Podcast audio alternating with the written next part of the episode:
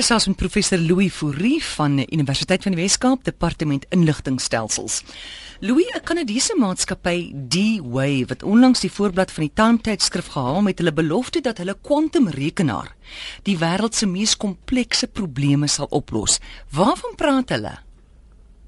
Môre hierdie kwantumrekenaar uh, wat nou die voorblad gehaal het en ek dink dis nog al 'n eer. Ehm um, is natuurlik 'n lekker duur rekenaar. Hy kos so 10 miljoen dollar. Nou as 'n mens dit so vinnig vertaal is dit 100 uh miljoen rand. Moenie, moenie dit maak seer. Dit dit dit sal seer maak. So dis nie sommer vir vir jou huisrekenaar nie. En dan het hy natuurlik ook nog 'n spesiale opset want hy loop teen minus 292.8 grade Celsius en dis nou om allerlei buite faktore uit te skakel wat kan inmeng want daar mag niks met hom inmeng nie. Nou kom ek sê, dis heeltemal 'n nuwe soort rekenaar. Hy werk volgens 'n totaal ander paradigma. Hy werk anders as enige iets wat ons sedert die 1950s gebou het. En ek bedoel nou enige iets in die in in die sin van rekenaars wat ons uh, sedert die 50er jare gebou het. Van die hooframe regdeur uh, tot vandag se rekenaars en superrekenaars. Nou kyk, die die rekenaars van vandag word natuurlik onder die wette van die klassieke fisika bedryf. Oftewel, soos ons dit ken, die wetenskap wat uh, gebou is op Newton uh se stellings. Nou dit is dinge wat ons ken. Ons sien dit in die alledaagse lewe. Maar kwantumrekenarisering opereer op die subatomiese vlak waar daar verskillende reëls is wat van toepassing is en dit is wat dit so anders maak. Nou verduidelik vir my daai subatomiese vlak. Jong, die die goede moet 'n ou uh maar versigtig daaroor dink mm. uh, ek ek het ook maar versigtig met al die goed. Maar die subatomiese vlak uh, amore behels die subatomiese partikels kom dinge soos fotone en elektrone. En hierdie fotone elektrone en al hierdie subatomiese uh, subatomiese partikels opereer volgens dan verskillende reëls. En onder hierdie reëls is daar 'n hele aantal kan 'n mens sê eksotiese verskynsels wat teen ons intuïsie indrys. Selfs uh, Einstein het gesê dit dryf teen sy hele intuïsie in. Dit klink nie vir hom reg nie en hy het gesê byvoorbeeld van kwantumfisika of ons weet nog nie alles daarvan nie of ons is baie verkeerd daarmee. Nou nou een van hierdie verskynsels is byvoorbeeld wat hulle noem superposisie. Of dis die vermoë van 'n kwantumrekenaar om terselfdertyd in twee verskillende toestande of state uh, te wees. 'n Gewone rekenaar prosesseer mos data in ene en nulle. Ek sê altyd 'n rekenaar is dom. Hy kan nie verder as een tel nie. Hy kan net 'n 0 en 'n 1. Dit is net 'n skakelaartjie wat oop of toe is. 'n Kwantumrekenaar werk ook met ene en nulle, maar die individuele uh, busse wat hulle nou daai in die geval kubusse of kwantumbusse noem, kan 1 wees, kan 0 wees of en dit is die verskil, kan te gelykertyd 1 en 0 wees. Jy kan twee toestande hê. Hmm. Nou alhoewel super uh posisie wil ek amper sê uh die moontlikheid om nou in twee toestande uh, op dieselfde oomblik te wees, dis maar net deel van die groter prentjie van kwantumrekenarisering gee dit ons natuurlik die vermoë om twee dinge op dieselfde oomblik te doen. Nou dit beteken rekeninge kan dus baie vinniger deur die rekenaar gedoen word.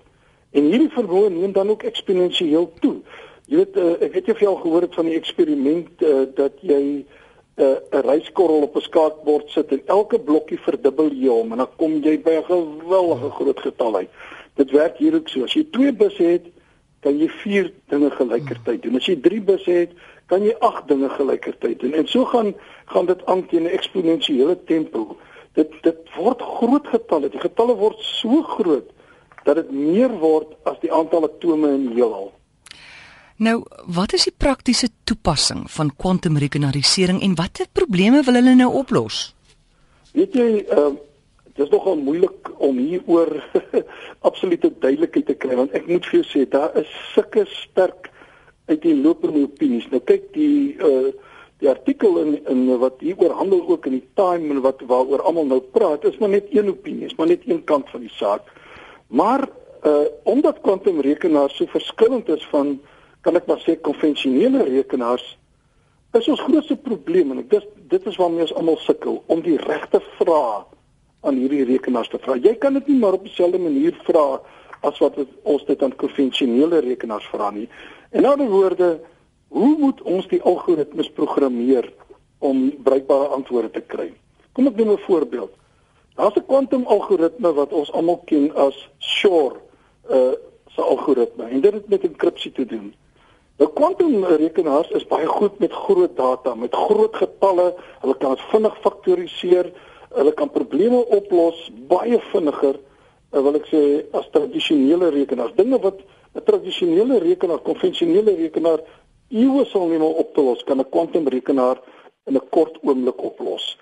En daarom word dit as jy mens nou terugkom na Shor se algoritme, kan 'n kwantumrekenaar die meeste van die huidige enkripsies wat op die internet gebruik word breek. Nou as 'n mens nou hoor dat Snowden het uh, die data wat hy gestoor het iewers op die internet het hy geënkripteer. En as 'n mens hoor hoe sukkel hulle om die selfoon van Oscar Pistorius te te dekripteer, mm. ja, 'n kwantumrekenaar doen dit sommer speel speel vir jou. Kortliks, kom ons kom terug na die Kanadese maatskappy D-Wave wat nou hierdie rekenaar geskep het. Waarvoor word hulle rekenaars gebruik? Weet jy D-Wave uh is natuurlik nou die eerste maatskappy wat dit uh kommersieel begine bou het en hulle groot kliënte is uh op die oomblik Google. Uh dis kan natuurlik dink aan Google. Google uh is ons geweldig wil ek sê eksperimenteel van aard en die tipe dinge dan die groot uh, vliegtuigmaatskappy Lockheed Martin wat veral in die militêre uh, area opereer NASA die uh, ruimteagentskap van Amerika en dan ook en hulle wil nie noem wie nie intelligensieagentskap nou dit kan mens ook maar glo want hulle wil graag uh, dinge wat geënkripteer is breek nou Google sê Uh en dis vir my baie interessant. Ek het gaan kyk na wat Google sê. Hulle wil op die ou en kan bepaal vir alles almal nou beginne om die nuwe Google bril, die Google Glass te gebruik, wil hulle weet wanneer jy jou oog knip as 'n refleks of wanneer jy jou, jou, jou oog knip as uh om vir 'n mooi meisie uh iets te wil sê. Jy weet, daai hmm. geweldige verskil uh, wil hulle uh bereken en hulle wil alles analiseer. Nou dit natuurlik in soektogte en so raak dit ook geweldig kragtig. En dan is daar natuurlik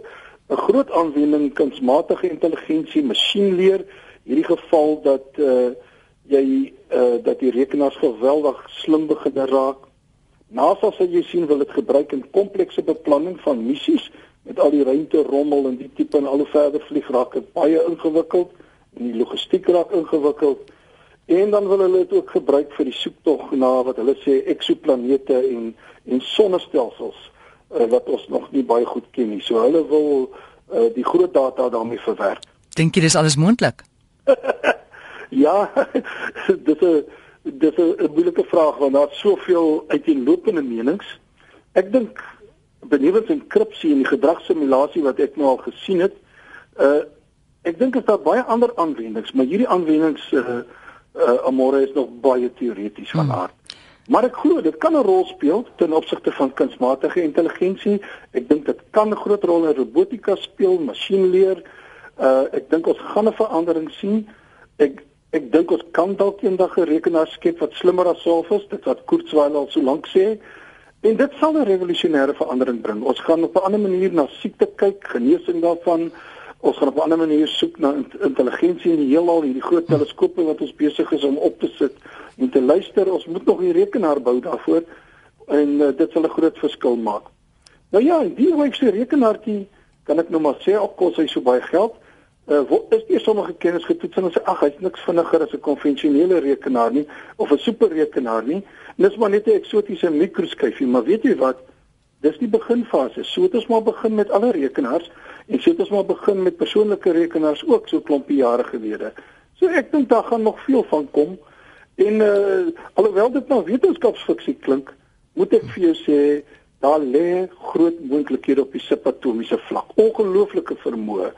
Maar wie dit gaan bou en wie die uiteindelike groot rekenaars gaan bou, ek dink wanneer dit gebou gaan word, dis onseker. Maar dis een van die sleutels wat vir ons die toekoms dink ek kan ontsluit. En wie gaan dit vir ons verduidelik? ja, miskien miskien uh, gaan ons ook nie alles hoef te verstaan nie, ons gaan dit maar net gebruik want hulle gaan hmm. uh ek dink hulle gaan dit vir self verduidelik die rekenaars. Ja. Heng, dis interessant. Dankie Louis. Middag. Dis professor Louis Fourie en ons het gepraat oor kwantumrekenarisering.